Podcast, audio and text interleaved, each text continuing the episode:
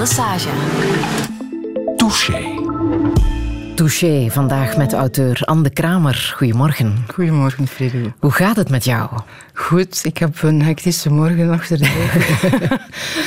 maar je bent er. Ik ben er geraakt, ja. Er waren geen treinen plots de hele voormiddag vanuit Tielt. Maar uh, mijn vader heeft een dollemansrit naar Gent gemaakt. en dan kon ik een trein uh, naar Brussel nemen. Ja, als je van West-Vlaanderen bent, is de NMBS wij zijn een beetje het achtergestelde. Maar ik ben blij dat je, dat je lacht en dat je zegt het gaat goed. Want um, ik heb zo net jouw tiende boek gelezen, Hersenorkaan. Ja. Uh, over de depressie die je anderhalf jaar lang uit het uh, normale leven heeft uh, gerukt. Is dat een boek dat je liever niet had geschreven? Het, dat, dit was het. Je wilt altijd een boek schrijven. Er is altijd. Mijn vorige uitgever, Harold Polis, zei altijd er, er, moet een urgentie zijn. Als ik een voorstel deed of een pitch, zoals dat heet. Als er geen urgentie is, dan geef ik het niet uit. En als er geen urgentie is, kan het ook niet een, goed boek zijn. Wat, wat, bedoel ik met urgentie? Um, je, je, moet voelen dat er een drang is om het boek te schrijven. Dat heb ik met al mijn boeken mm. gehad. Um, maar die was er des te meer met dit boek. En het, het, is, het klinkt zelfs een beetje cynisch, maar toen ik een half jaar of zo die ziekte had, die depressie, toen, toen lachte ik in mezelf. En toen zat ik voor de zoveelste keer op de bank in pyjama en toen zei ik, maar dit wordt misschien wel een goed boek. Dus als schrijver ben je zo bezig met wat je later kan schrijven, dat, dat zelfs hoe ellendig je daar zit, met het snot in je neus en, en het snot op je deken, dat je denkt, dit wordt, een goed, dit wordt een goed boek. Dit is een reden om een boek te schrijven. En dat, dat is het ook wel echt geworden. Het is het eerste boek waarbij ik echt... Ja, ik, ik denk dat collega's, literatuur en schrijvers... het woord missie misschien niet zo snel associëren met literatuur, omdat het... Ja, mag literatuur... Ja, literatuur mag alles natuurlijk. Mag literatuur een missie hebben? Maar voor mij is het echt een missie om mensen die hetzelfde meemaken te helpen, hoop ik. Al is dat maar één iemand, dan is die missie geslaagd. Maar ik merk dat ik, ik krijg heel veel mails van mensen die zeggen: We hebben er echt iets aan gehad. Of uh, naasten van mensen, geliefden, die zeggen: we, we, snapten het niet. En we zeiden: Je overdrijft of je bent lui. Soms commentaren die ik ook allemaal heb gehoord. Druk op een knop en het wordt wel beter. En het duurt maar een paar dagen. Dus dat staat ook in mijn boek. En mensen die zeggen, we begrijpen nu beter dat we die dooddoener niet mogen gebruiken. Maar vooral zien we jou en zien we hoe je, hoe je weer lacht inderdaad. En, en hoe ik boek, um, boekvoorstellingen en signeersessies geef. En, en hoe je er weer staat. En alleen al het feit dat dat boek er is, is, is een bewijs dat... Um, ik schrijf heel vaak als ik signeer en dat meen ik echt. Boven de wolken schijnt, schijnt altijd de zon. Iemand zei me dat toen ik depressief was. En ik vond dat zo'n mooi beeld. Want hoe hoger dat vliegtuig gaat... Er is altijd een blauwe lucht. Dus dat vond ik een heel mooi beeld. Het heeft je ook het uh, ambassadeurschap voor Te Gek opgeleverd. Ja, ja vorige Ook bijzonder dat je dat, je dat doet. Um, maar hoe zou jij jezelf omschrijven? Oh, um, de vraag der vragen. Um, als, als, een, als, iemand, als een zoeker toch wel. een zoeker en een, en zeer gedecideerd in... in op professioneel vlak zeer gedecideerd. Ik weet wat ik wil, ik weet waar ik naartoe wil. Met mijn boeken, met mijn, met mijn schrijverschap. Maar op persoonlijk vlak wel een, wel een zoeker. Um, ik woon in Tielt. Ik heb in Gent en in Brussel gewoond. Zoals veel West-Vlamingen ben ik teruggekeerd naar de roots. Maar ik heb, heel, ik heb echt de stad nodig. Dat is dan zeer, zeer gek. Eigenlijk Tielt ja, Tielt is gemeen, gemeen, ik mag niet zeggen gemeen, het is een stad. Wij hebben in de middeleeuwen de stadsrechten verworven. Heel Tielt luistert mee, dus ik moet opletten wat ik zeg. We zijn een stad van 20.000 mensen. Er is eigenlijk, we hebben een Malperthuis, we hebben een cultureel centrum, dus er is best wel veel te doen. We hebben een zeer goede restaurants, maar toen ik van Brussel kwam, ik heb in de Hoogstraat gewoond, uh, bijna drie jaar toen heb ik echt de, de drukste straat van Tielt gekozen om te wonen. Dat is dan nog natuurlijk niet vergelijkbaar met Brussel, maar wel de winkelstraat. En de achterkant is een gewoon zorgcentrum met heel veel bomen. En als je daar op het terras zit, heel rustig. Dus dat is een soort metafoor of beeld van, van wie ik ben. Ik heb de rust nodig. Ja. en de drukte. En als ik op reis ga, is het altijd, altijd naar steden. Ik kan niet... Ik doe dat uit liefde voor mijn ouders en neefje, nichtje en zus. Maar af en toe doen we dan een weekend Ardennen. En ik, ik haat het. ik haat, ik haat die, die, die stilte en, en die bomen en, en dat bos. Ik ben daar echt niet voor geschikt. Wel voor de zee. Ik, ik hou ontzettend veel van de zee, maar... Mhm. Jouw levensmotto is wees ambitieus. Ja, droom. Dat ben je wel. Dat ben ik wel, ja. ja. ja. Maar ook niet elitair. Niet elitair, nee. Want schrijven is niet elitair? Schrijven is de twee. Schrijven wordt door de buitenwereld, denk ik, als zeer elitair gezien. Ik merk ook als mensen mij een mail sturen, omdat ik ook veel met taal bezig ben. Toen Jan Houtekiet hier nog werkte, Jan, keer terug. Als je dit hoort. Dat was de, helder, de heerlijk helder campagne de heerlijk helder die samen hebben en, gedaan. En uh, als freelancer herschrijf ik ook heel veel teksten, heel veel introductie. En als mensen een, een mail uh, sturen, beginnen ze vaak met ja, ik ben bang om fouten te maken en een mail naar een schrijfster sturen is toch nog iets anders dan naar iemand die niet met taal bezig is. En dan denk ik, kijk, dit is toch nog altijd hoe schrijvers gezien worden.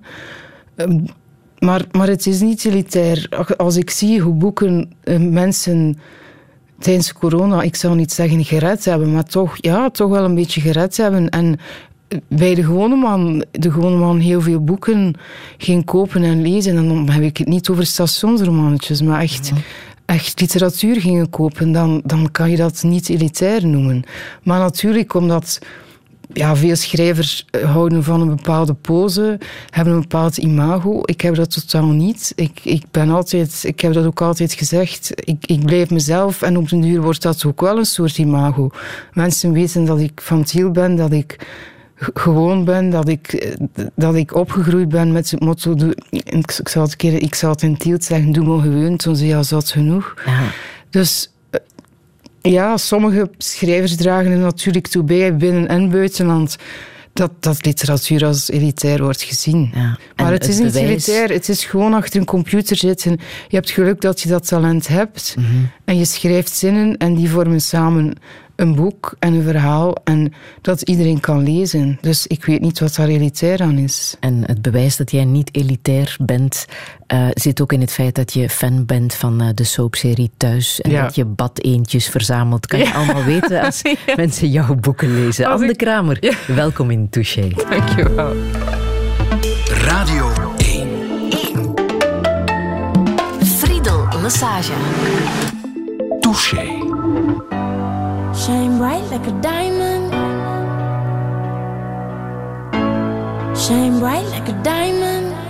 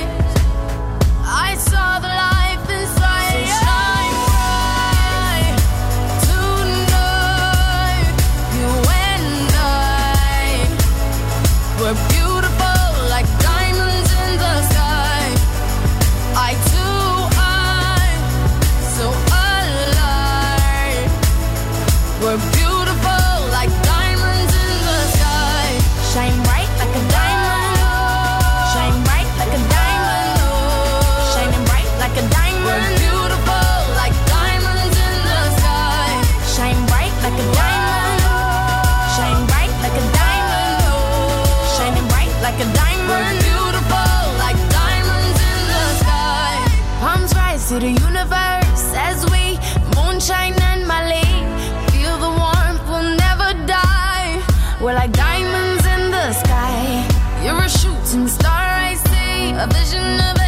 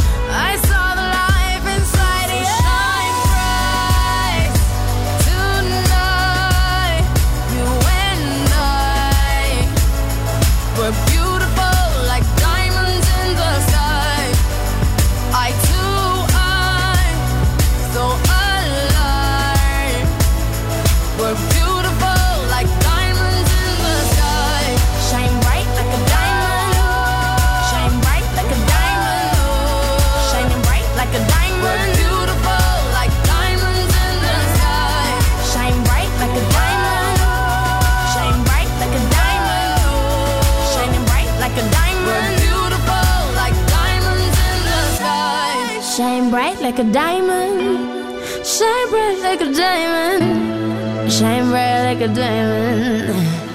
Rihanna met Diamonds. Anne Kramer, ja, jouw boek Hersenorkaan begint ook met een paar zinnetjes uit een songtekst van Rihanna. Wat heb jij met haar? Ja, ik, ik weet het zelf niet goed, maar ik word altijd... Zelfs toen ik depressief was, zet ik vaak de muziek op. Ik, ik word altijd vrolijk van haar muziek. Ik hou ook heel veel van haar stem. Daar zit precies zo'n in, ingehouden snik in. En ik vind die teksten altijd... Ja, ja, ik ben dus niet elitair. Ik vind haar teksten altijd zo hoopvol. Aha. Um, Want zij zingt bijvoorbeeld... I choose to be happy. Ja, dat vind ik heel mooi aan dat lied. Toen ik dat voor het eerst hoorde en, en die zin hoorde...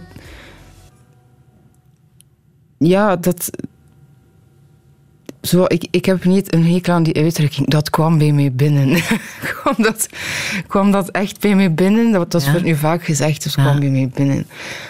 Omdat ik dacht, ja, kan je, kan je eigenlijk kiezen om gelukkig te zijn? Ik vind dat een zeer interessante vraag. En ik denk daar vaak over na. En in de trein op weg hier naartoe ook. En ik vind het zeer moeilijk.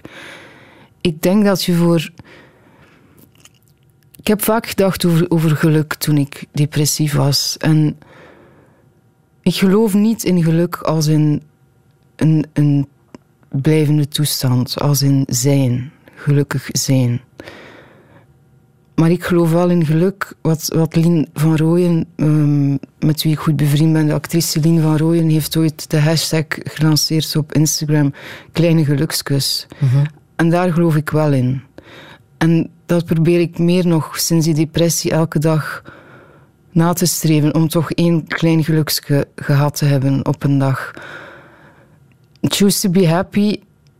Ik dacht dat vroeger wel. Want als je in de middelbare school zit bijvoorbeeld, en zeker als je dan klaar bent met je unief en mensen gaan elk een pad op, dan, dan zie je wat, wat mensen als de traditionele formule voor geluk in onze maatschappij kiezen. En dat is trouwen en kinderen krijgen en een huis met een tuin.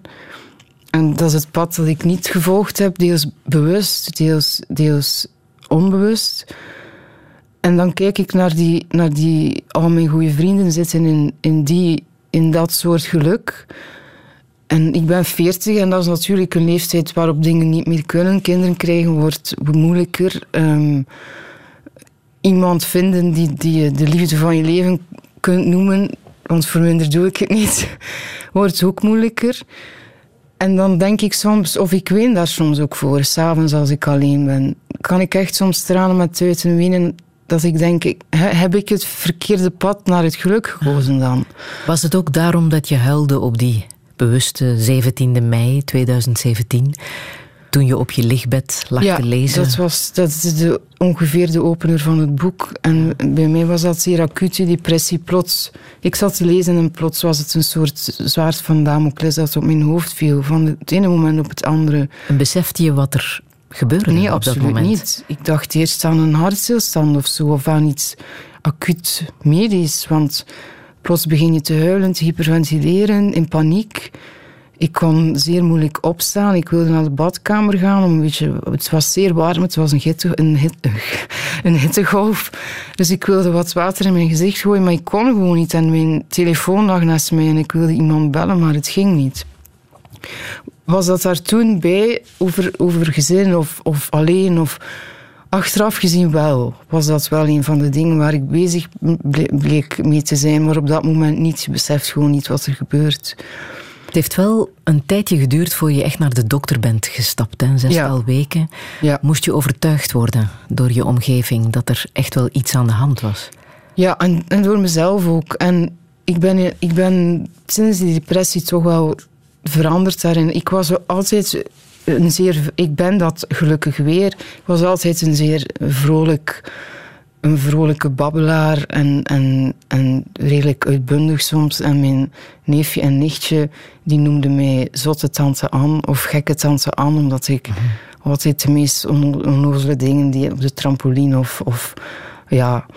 En, maar wel gesloten. Mijn schoonbroer zei vaak, je bent, je bent mijn schoonbroer, uh, schoonbroer uh, is uh, pedagoog. Dus die, die, die komt wel uit die, uit die, die sector waarin je bezig bent met de geest van mensen of zo, of hoe ze zich voelen.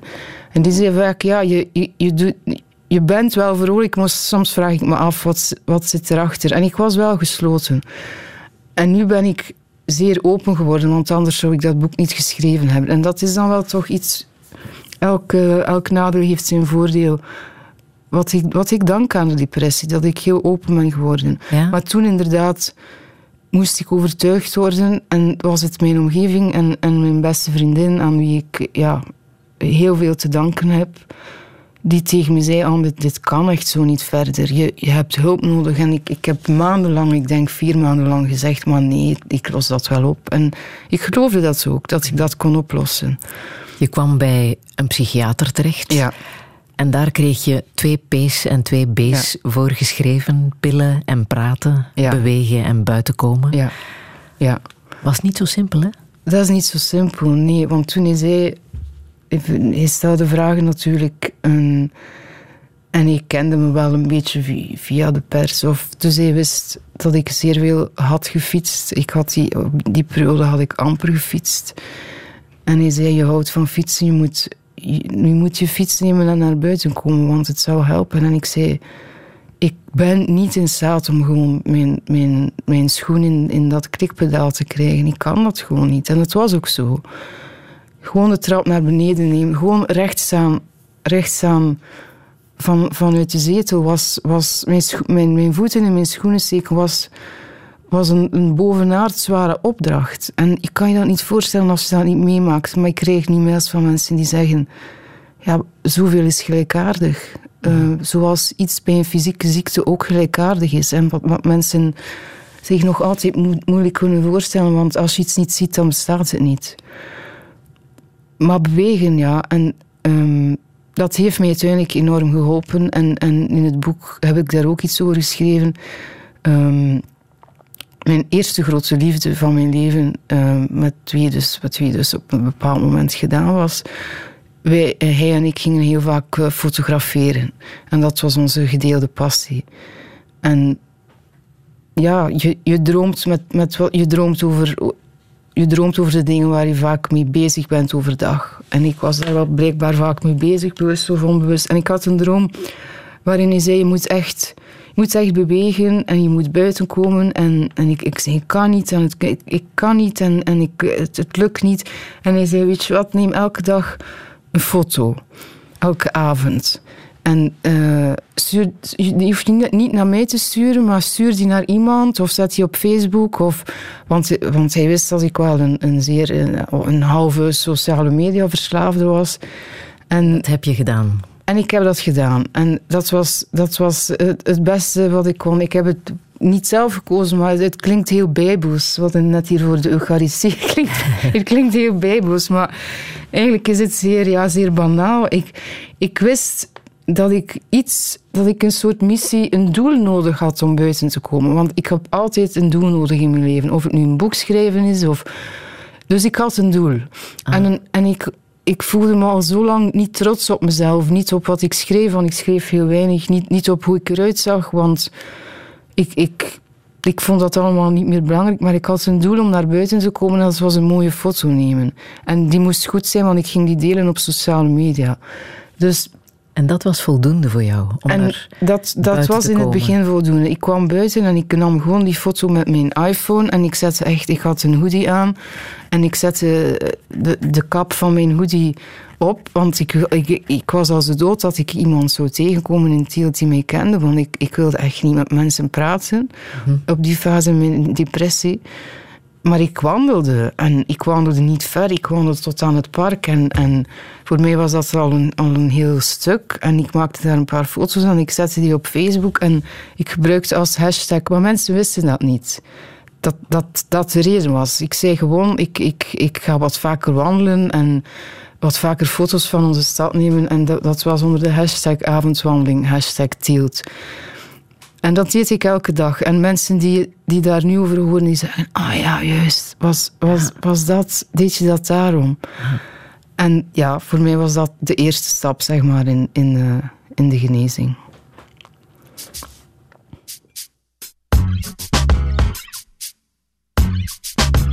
Lucy Lou. With my girl Drew. Cameron D and Destiny. Charlie's Angels, come on. Come on. Uh, uh.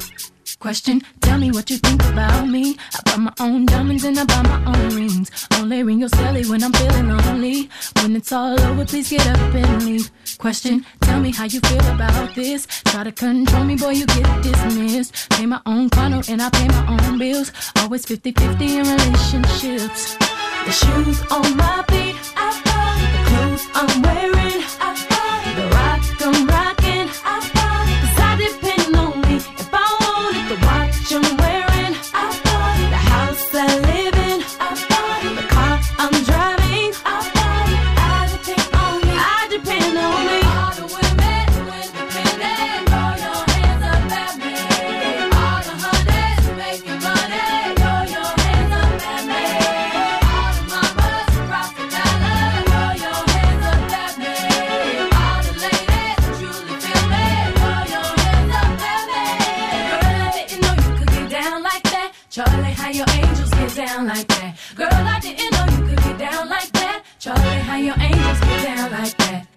how you feel about this. Do what I want, live how I wanna live. I worked hard and sacrificed to get what I get. Ladies, it ain't easy being independent. Question, how'd you like this knowledge that I brought? Bragging on that cash that he gave you as the front. If you're gonna brag, make sure it's your money you fund. Depend on no one else to give you what you want.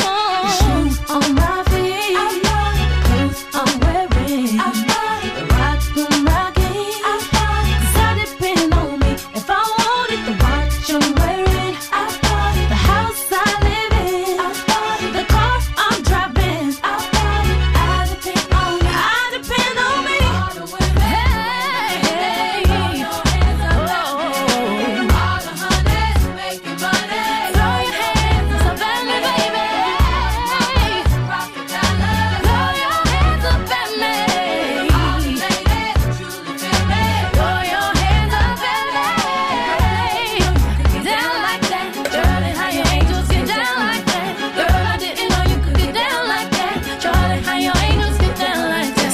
Destiny's Child en Independent Woman, Anne de Kramer. Waaraan moet jij denken als je dit eh, nummer hoort?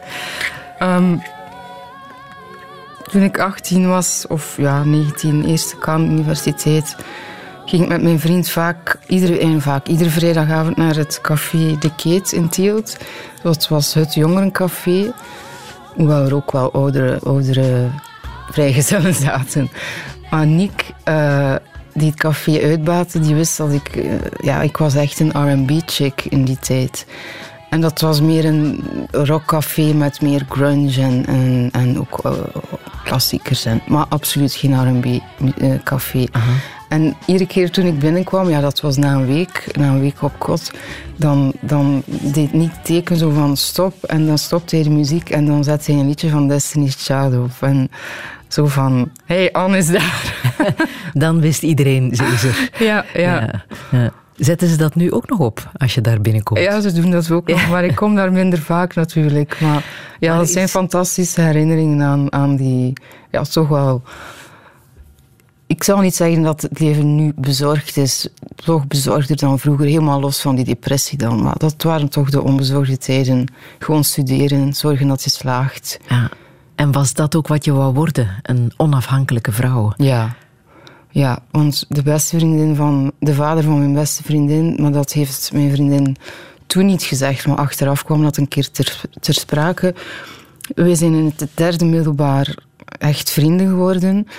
En dan heb je zo de eerste keer dat je bij elkaar... Dat is zoals met een lief bijna. De eerste keer dat je je beste vriendin meeneemt naar huis. En haar vader had gezegd toen ik weg was... Dat is geen normale. Die gaat, die gaat, eh, die gaat niet het klassieke pad bewandelen. En toen ik dat hoorde, was ik, was ik tien jaar ouder of zo. En, en zei, zei Marieke... Mijn vader had gelijk. Je gaat niet het klassieke pad bewandelen. Dachten je ouders dat ook? Die gaat het klassieke pad niet behandelen. Minder, van ons. minder, denk ik. Want ik denk ook, hoe dichter je bij iemand staat, hoe minder je dat ziet. Ja? Ik denk dat wel. Ehm, als kind was ik eigenlijk heel... Ik ben niet abnormaal, voor alle duidelijkheid. Maar als kind was ik veel, veel klassieker. Ik ging naar school, ik, ik praatte niet over ik wil schrijver worden. Ik wilde, ik wilde kapster worden, zoals elk kind. En ik wilde later lerares worden, maar de lagere school. En mijn, mijn nichtje, toen ze klein was, eh, is net hetzelfde. Dat, dat is de klassieke cliché bijna, droom van, van kleine kinderen. Maar toen ik aan de universiteit Germaanse begon te studeren, kon, konden mijn ouders zich niet perfect voorstellen wat, wat dat was. Ik kom uit een arbeidersgezin. Dus ja, Germaanse talen en vooral literatuur, wat, wat, dat was bij ons geen issue. Daar werd niet over gepraat. Maar mijn ouders waren blij, want toen ik hen vertelde dat de meeste mensen die Germaanse gestudeerd hadden, dat ze in het onderwijs gingen, dat was, dat was goed. het was goed. Um, en eigenlijk om hen, en dat weten ze niet, maar ze zijn vast aan het luisteren.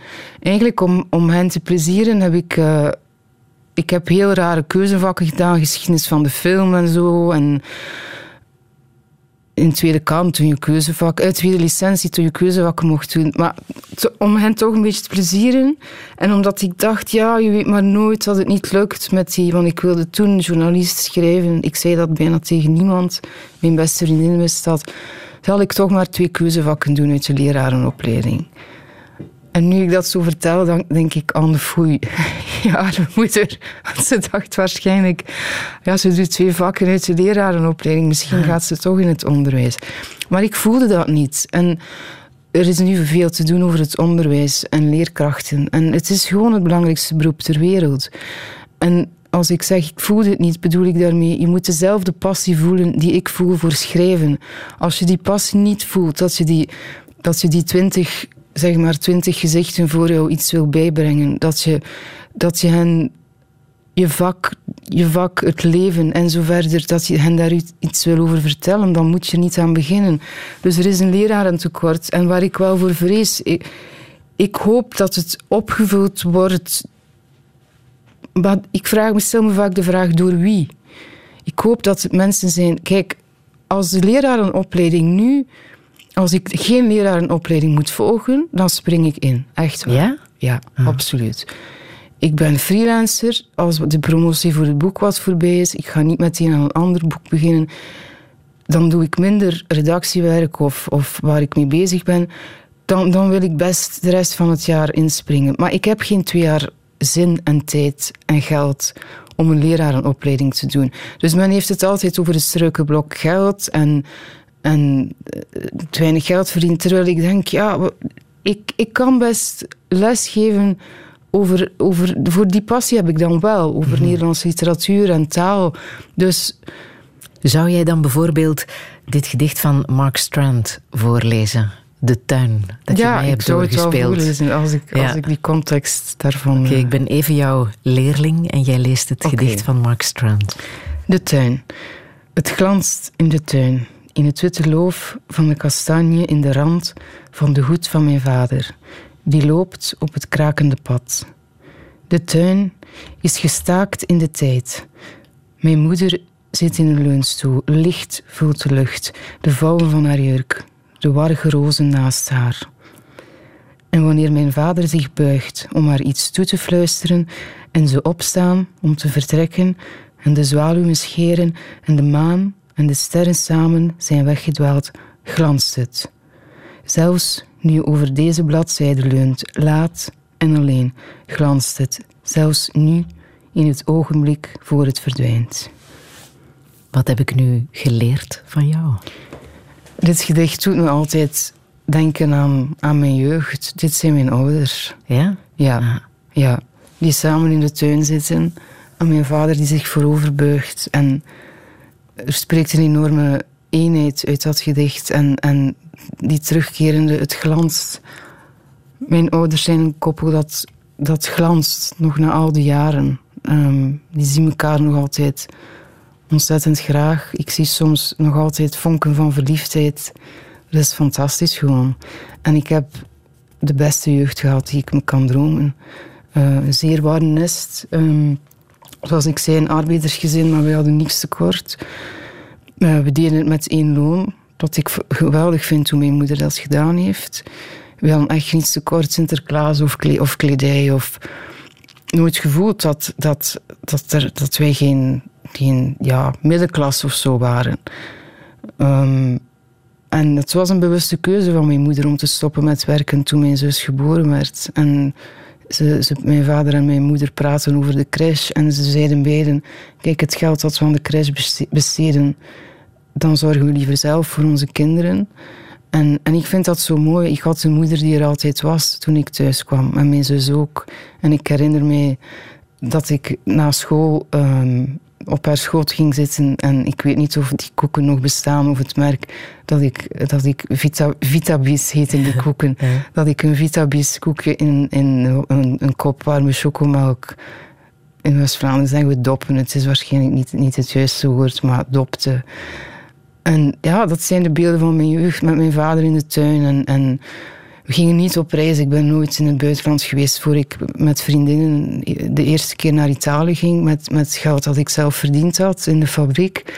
Maar we deden een dag uitstappen naar de Ardennen en, en dat was genoeg. Kijk, als je, als je liefde hebt binnen een gezin en als alles zeer harmonieus verloopt, dan hoef je niet ver te gaan. Dan ben je ook blij als je... Ik weet dat we naar Derby gingen, nu Mark, Mark maar toen mijn ouders vertelden dat dat de kleinste stad van België was, dan vond ik dat zo spannend. Achter in de auto zijn we er al, zijn we er al. We waren naar de geweest en, en ik kon daar uren over vertellen in klas. En voilà. Um, ja, liefde is alles gewoon.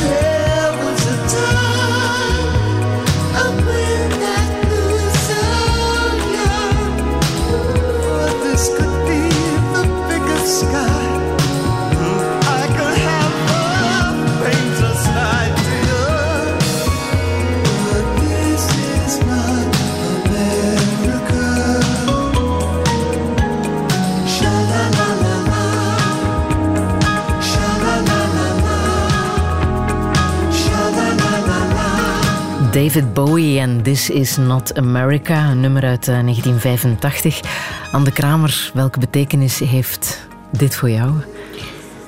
Ik heb vaak aan het nummer gedacht toen... Um, ik, ja, ik ben zo blij dat we die naam niet vaak meer horen, maar ik moet hem uitspreken. Toen Trump president was. Ik heb American Studies gevolgd, een, een master in American Studies na Germaans. Ik heb eerst een week bij mij is altijd alles heftig. Uh, alles of niets. Ik heb een week journalistiek gedaan in Brussel. En plots dacht ik, ja, om journalist te worden, hoef ik, hoef ik deze studie niet te volgen. Dit was meteen niets voor mij. En ik dacht, ja, wat, wat drijft mij om journalist te worden? Een groot interesse in het nieuws en de actualiteit, vooral toen de wereldpolitiek. En ik dacht, ja, wat, wat, kan ik beter studeren dan het land dat, dat toen, ja, nu nog natuurlijk, China, China op een tweede positie. Het land dat, dat in de, de geschiedenis van het, van het Westen en, en daarbuiten de geschiedenis zo hard bepaald heeft als Amerika. Dus ik ben, ik ben die master gaan volgen. Deels ook door toedoen van, van uh, professor Christian Versluis, die Amerikaanse letterkunde gaf aan de Universiteit van Gent de beste professor die ik ooit heb gehad. En dat vertellen veel auteurs. Ik weet ook Annelies Verbeke dat zij vaak hem vernoemt.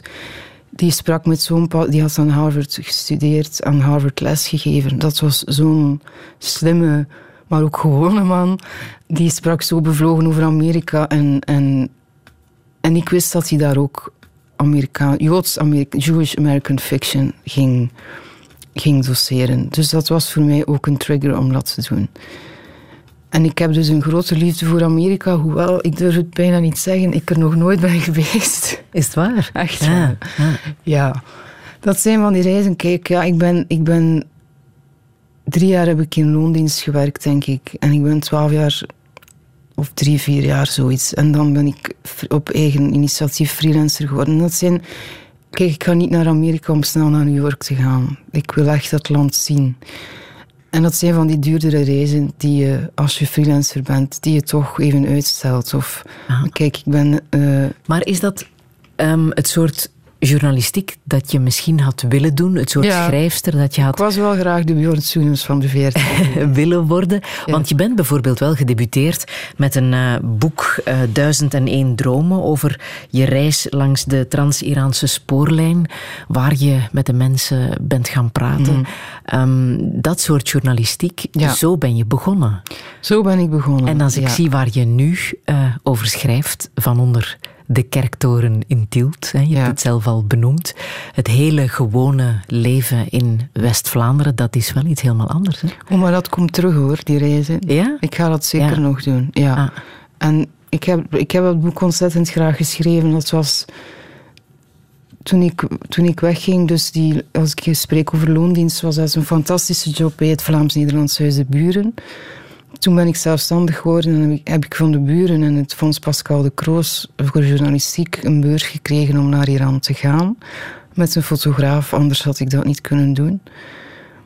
En er waren net verkiezingen toen en de bedoeling was daar drie maanden te blijven en een beeld te schetsen van Iran voor de verkiezingen en Iran erna. Want algemeen werd ervan uitgegaan dat de hervormingsgezinde kandidaat zou winnen.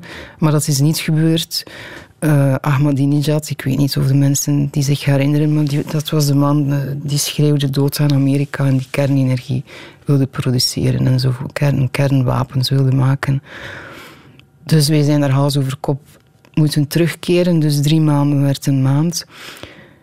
En dat is een, ik, het is moeilijk kiezen wat is het boek dat ik het liefst geschreven heb. Allemaal natuurlijk, want ja, het, zijn, het is cliché, maar het zijn onze kinderen. Dus je kan ook niet kiezen welk kind je het liefst ziet.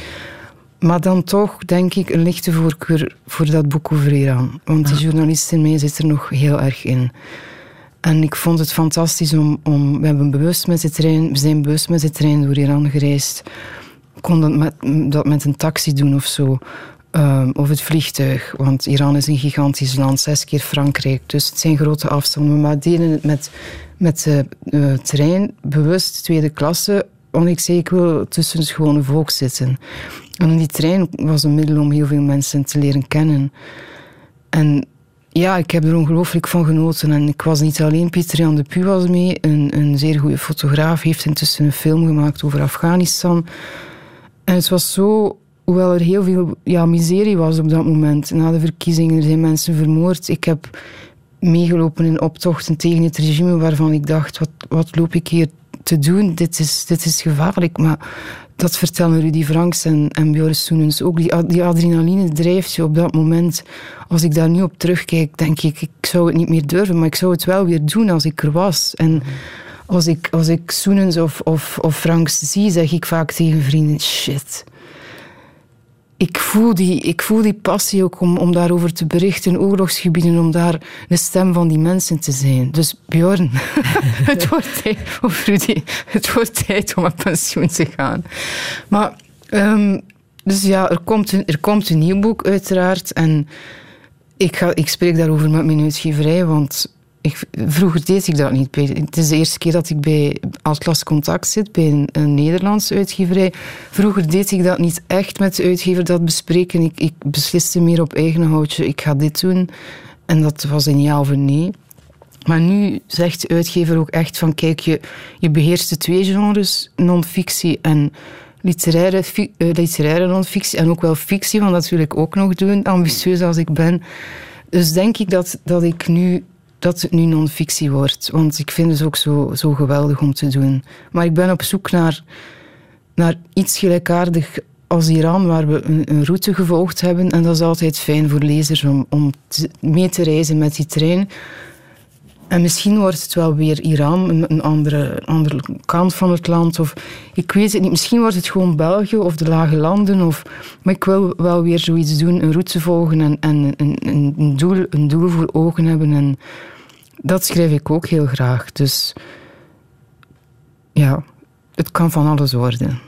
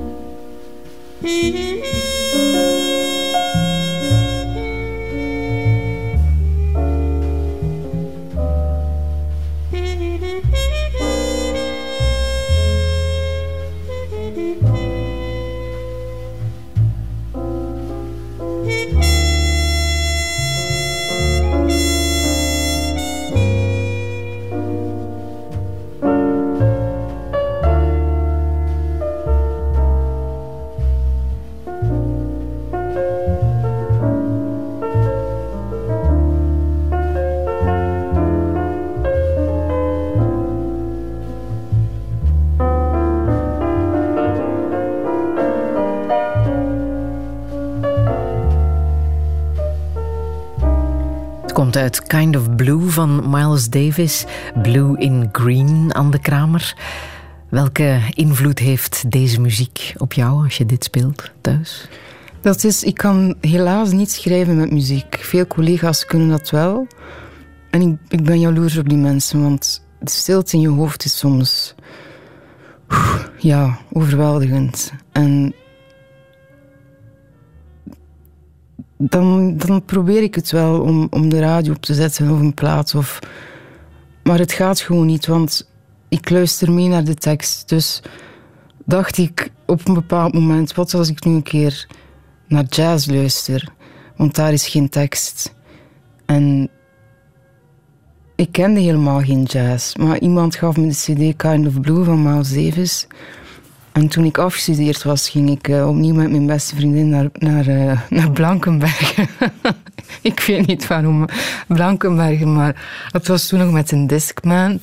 De, de, generatie, de jonge generatie weet niet meer wat dat is. Maar dus in bikini en zonnend luister ik naar Kind of Blue van Miles Davis. En dat was echt een wereld die open ging. En toen heb ik jazz ontdekt en ben ik een echte jazzfan geworden. En kan ik nu wel met jazz schrijven? Zijnde, niet, niet als ik in de eerste versie van een boek zit, maar wel als ik herschrijf en eindredactie doe op mijn eigen boek en de drukproef en zo verder, de drukproef 1, 2, 3, 4, ook daar ben ik ambitieus, dan kan ik het wel en dat vind ik fantastisch, want kijk, ik zei, schrijven is niet, niet elitair, maar schrijven is wel heel zwaar. En dat is toch een beeld dat ik wil corrigeren. Mensen denken, dat is een talent en dat is gewoon achter je computer zitten en, en zinnetjes aan elkaar hangen. Mhm. Maar het is een zeer zwaar beroep. En als het niet gaat, als jij blokkeert, ja. dan spring jij op je fiets. Dan ga ik fietsen. Hoe gaat het daarmee met de rode trek? Slecht. ja. Hoezo? Ja, ik ben zo lang met het boek bezig geweest en tijdens corona, dus ik had wel een perfect excuus om niet, niet naar buiten te gaan, want ik was bezig met het boek. En de laatste fase verliep wel wat moeilijk, want het eerste deel gaat over, over de ja, over de val, zeg maar. Dus gek genoeg was dat veel makkelijker te beschrijven, want de, de kleurnuance daarvan is, is zwart. Alles was zwart. En het tweede deel is grijs-wit en dan wit. Dus die nuance in kleuren en hoe je je voelt was veel moeilijker te beschrijven. En daar heb ik echt soms een, een maand moeten stoppen gewoon, omdat het niet ging. Maar de fiets, ja, ik heb een maand geleden op Twitter een belofte gedaan die ik echt moet nakomen. Opnieuw zie je, heb ik de sociale media nodig om, om me te redden. ja. Um, ik had altijd iets tegen Strava. Omdat ik, als ik ga fietsen, doe ik geen uh, kilometerteller of hoe heet zo'n ding? Kilometriek, zeggen wij in West-Vlaanderen. Doe ik geen kilometriek mee. Omdat het er voor mij niet toe doet hoeveel ik gefietst heb. Ik fiets gewoon. Maar op Twitter heb ik gezegd, kijk, als het wat minder druk wordt en het boek is er, dan, dan zal ik toch maar lid worden van Strava. En het zal kalm beginnen, want mijn conditie eh, is echt onder nul. En dan zal ik de ritten op Strava met jullie delen. En in het begin zullen jullie me uitlachen, want het zullen echt ritjes worden naar Kanegem en, en Deense en, en, en. Dus het zullen niet veel kilometers zijn, maar zo zal ik het opbouwen. Dus nu staat mij de zware taak te wachten nu het boek klaar is en de promotie bijna ook om uh, mijn belofte na te komen. Maar ik ga het doen, want mensen wijzen me nu al op. Hey Anne, of hey de Kramer, waar blijven je Strava-ritten? Dus um, kom terug. Maar ik, ik, heb het wel gemist, want inderdaad, het is echt iets om tot rust te komen. Ik fiets ook, zoals ik ook niet goed kan schrijven met muziek, fiets ik ook nooit met muziek. Niet alleen omdat ik, het gevaarlijk vind, maar ik snap niet goed de, drang van mensen om, om altijd geluid te willen, te willen ondergedompeld zijn in geluid. Ik vind het, ik vind het genoeg en, en fantastisch om, om de wind in je haar te horen en, en vogels en, en gewoon stilte. Je bent er ook mee opgevoed, hè, met dat uh, wielrennen. Met de liefde voor de koers. Ja, ja. En het kijken naar de koers. Van, van zeer jongs af al. Ja, ik herinner me toen ik een jaar of vijf was, dat was het de Ronde van Vlaanderen. Ik weet niet meer wie won. Um, ja, Michel Wuits, met wie ik een boek schrijf, die zou dat wel weten. Roep even Michel Wuits. um, maar mijn vader, die, en dat is nog altijd zo, die kan zich niet kalm houden als er een sprint is of zo. En die zit echt met, met, met rode wangen en, en die sprint vooruit en alleen. En, en dat maakte toch wel indruk op mij. Ik dacht, als, als als mijn vader daar zo in, in opgaat, dat, dan is dat toch wel iets. Maar mijn, mijn zus, die, dat interesseerde haar totaal niet. En ik weet, toen ik een jaar of vijf, zes was, was ik fan van, van Claude Criquelion, omdat het woord krik in zijn naam voorkwam. En ik hield van krikken. Dus zo is dat begonnen. En ja, toen ik wat, toen ik wat ouder was en het, het, het eh, de koers echt begon te, grijpen, te, te, begrijpen. Dus in de zin dat het niet alleen een individuele sport is, maar ook een ploegsport. Dat er heel veel tactiek bij komt kijken. Want als kind snapte ik niet van de Ronde van Frankrijk. Waarom wint niet degene die altijd het eerst over de streep komt elke dag? En er zijn nog mensen die dat niet snappen, denk ik, en die daarom niet van koers houden. Je moet het, het spelletje natuurlijk moet je, moet je mhm. begrijpen. Dus ik, ja, ik ben heel jong um, daarmee in aanraking gekomen. Mijn ouders fietsten wel, maar niet met de koersfiets. Die fietsen nu nog heel veel, zodra het mooi weer is. Um, maar jij koerst. Anne Kramer, ik vermoed dat je deze muziek herkent. Muziek uit jouw favoriete film Il Postino. Over de postbode van de Chileense dichter Pablo Neruda. Ehm, die in ballingschap op het uh, Italiaanse eiland uh, verblijft naar een boek van uh, Antonio Scarmetta. Welke betekenis heeft die film voor jou? Oh, ik heb die film zeker al... Ik durf het bijna niet zeggen. Ik heb die film zeker zeven keer gezien. Ja? En zeven keer tranen met tuiten geweend. Omdat het gaat over de kracht van taal? De kracht van taal en de kracht van de liefde. En taal en de liefde zijn voor mij... Liefde is voor iedereen het belangrijkste in het, leven. Dat zou toch zo moeten zijn, denk ik. En taal komt daar bij mij natuurlijk bij. Dus als, als je me vraagt wie ben ik, dan, dan ben ik taal. En ben ik ook liefde. Ik mhm. ben op dit moment alleen, maar ben ik liefde voor heel veel andere mensen. neefje, nichtje, familie en zo verder. Maar Il Postino, om kort het verhaal te schetsen, gaat over een eenvoudige postbode die in aanraking komt met Pablo Neruda. En um, hij is verliefd op, eh, op een meisje uit een, uh, uit een café en Neruda leert, leert hem gedichten schrijven. Ah, ja. ja. En zo komt en er ook liefde van. En zo komt de liefde van. En, en er is een scène waarin Neruda en, en de jongen zeggen metafore, metafore. En hij leert dat soort metaforen. Metafore, je moet niet zeggen... Ze, ze, ze is als de zee, je moet een ander beeld bedenken. En, en je hoort de golven die aanrollen. En die postbode en die waanzinnig, waanzinnig goede dichter Neruda. En, en hij kan dat meisje voor zich winnen dankzij zijn metafore. Mm. En, en zo mooi gewoon, ja, kijk ik zo weer beginnen. Il Postino.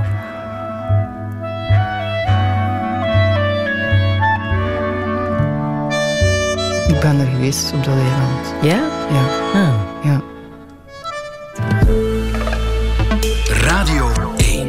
1. Friedel Lassage. Touché. Touché met auteur Anne de Kramer. In haar nieuwste boek Hersenorkaan beschrijft ze hoe een zware depressie beslag legde op haar leven. Wat een onschuldige huilbuil leek te zijn, was een dekmantel voor onverwerkte emoties. Pillen en praten, bewegen en buiten komen stond er op haar voorschrift. Dat deed ze, maar eenvoudig was het niet. Want ja, depressie is een ziekte. En net zoals bij kanker heb je tijd nodig om ervan te genezen. Maar hoe moet het verder?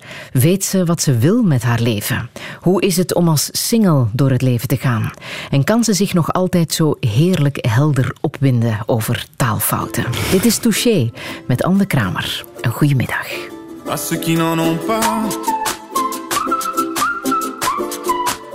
À ceux qui n'en ont pas, Rosa, Rosa, quand on fout le bordel, tu nettoies. Et toi, Albert, quand on trinque, tu ramasses les verres. Céline, Bataire, toi tu te prends des vestes au vestiaire. Arlette, arrête. Toi la fête, tu la passes aux toilettes. Et si on célébrait ceux qui ne célèbrent pas? Pour une fois, j'aimerais lever mon verre à ceux qui n'en ont pas. À ceux qui n'en ont pas.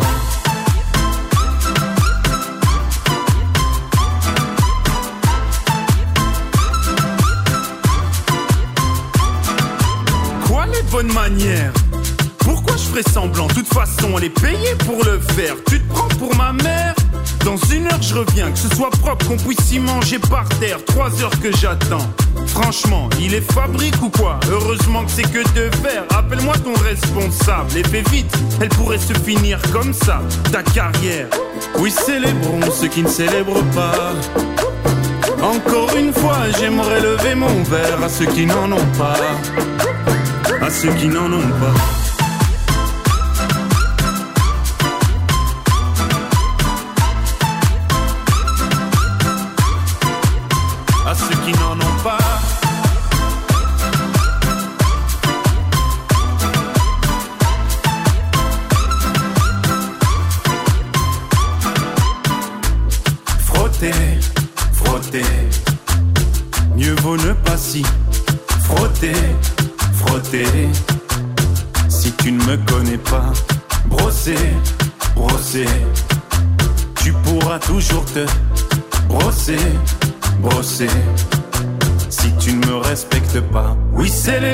Ceux qui ne célèbrent pas. Encore une fois, j'aimerais lever mon verre à ceux qui n'en ont pas. À ceux qui n'en ont pas.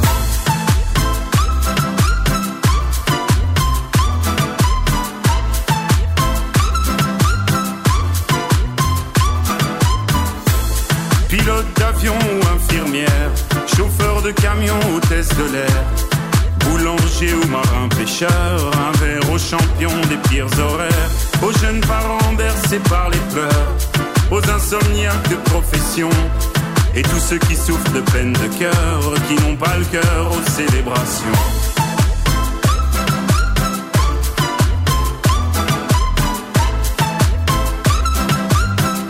Qui n'ont pas le cœur aux célébrations.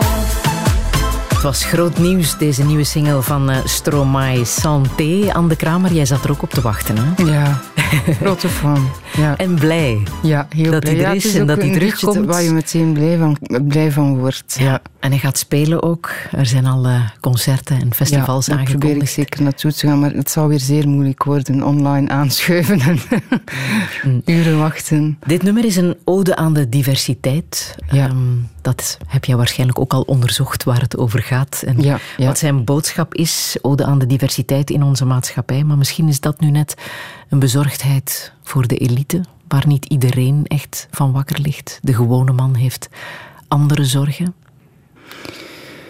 Ja, je hebt het met, met diversiteit bedoel je waarschijnlijk ook het woke, eh, het, het, het praten over woke en, en gender. En, ja. Ik denk dat dat toch meer, dat houdt me ook bezig, maar ik denk dat dat toch inderdaad meer een bezorgdheid is van, van een bepaalde elite wel. Ja. Geldzorgen bijvoorbeeld, dat is iets ja, wat jou het- ook wat mij toch meer raakt. meer. Ik, ik, ik ben niet tegen. Ik ben eigenlijk. Ik vind het ook totaal belachelijk aan het worden soms. Het, het gaat totaal te ver. Het zijn non-debatten. Ehm, ik kan er maatloos aan ergeren, echt waar. Mhm. Vroeger werd er gezegd. We mogen mensen niet in hokjes duwen en nu heeft iedereen een naam. Iedereen is dit of iedereen is dat. En waar, waarom? Maar ik vind het wel zeer goed dat er meer begrip, meer begrip komt voor mensen die zichzelf eh, als man geen man voelen en zo verder. Ik vind het goed dat daar begrip voor komt. Dat mensen kunnen zijn wie ze zijn, zoals het, het thema is van de Warmste Week. Vind ik heel belangrijk, maar moet, moet daarom moet daarom alles zo. Moet, moeten de tenen daarom zo lang worden? Dat, dat, dat, dat stoort mij en dat vind ik jammer. En ik vind dat alles daar rond is nieuws. Als iemand daar een tweet over plaatst, is dat nieuws terug. Dan denk ik, wees toch wat meer bezig met, met, met wat echt erg is. Bijvoorbeeld de, de armoede in eigen land. Dat kan me zo raken. Ehm, ik denk een week of drie geleden in Zeno van de Morgen was er een fotoreportage van Lieve Blankaart die foto's had gemaakt in een school van de brooddoos van kinderen, wat daarin zat. En ik vond dat zo ontroerend. Er was één kind en ik heb echt gehuild toen ik dat zag. Eén kind en dat, waren, dat was een handvol chips gewoon. Paprika chips. Om je dag mee door te brengen. Of ontbijt. Dit is de realiteit. Woke en alles wat erbij hoort, is wat dat vlak wat mij betreft toch een beetje minder realiteit. Kan jij goed rondkomen? Ja, toch wel. Ik, kan, ben heel blij dat ik... Met rondkomen bedoel ik... Ik, ik kan rondkomen. Ik, ik, heb, ik kan bijvoorbeeld niet... Geen, geen heel grote reis of zo maken. Ik kan wel een week op reis gaan, maar ik zeg het, die reis naar Amerika... Dat zou intussen wel lukken, maar ik moet het toch bij citytrips houden een paar keer per jaar. Of ik moet wel opletten wat ik doe, maar dat is een eigen keuze. Ik leef van mijn pen en, en ik, zou meer kunnen, ik zou meer kunnen doen. Ehm, maar ik vind dat goed zo, want mensen zullen het misschien een dooddoener vinden. Maar geld is belangrijk. Maar voor mij is, is geld niet zo belangrijk. Ik ben zo gelukkig dat ik kan kan echt leven van mijn pen, letterlijk. Met columns en boeken en, en eindredactie die ik als freelancer doe, vertalen van het Engels naar het Nederlands. Dat is meer dan ik, dan ik ooit heb kunnen dromen. Dus Maar ik vraag het ook omdat als single je Ja. financieel ook benadeeld wordt. Hè? ja, Het is nog maar eens gebleken tijdens eh, ja, ik was heel boos. de onderhandelingen. Ja, ja. Er kwam nieuw, het nieuwsbericht toen, eh, toen de minister zeer moe maar tevreden. Ik weet niet of ze... Ze waren zichtbaar tevreden, maar ik weet niet of ze in binnenste zo trots waren. Als ze eruit zagen, kwam het nieuwsfeitje of nieuwsfeit dat um, koppels 150 euro, ik denk net zo, uh, kregen. Op, belastingsvermindering. belastingsvermindering, ja. En singles 50 euro. En dan dacht ik, what the hell?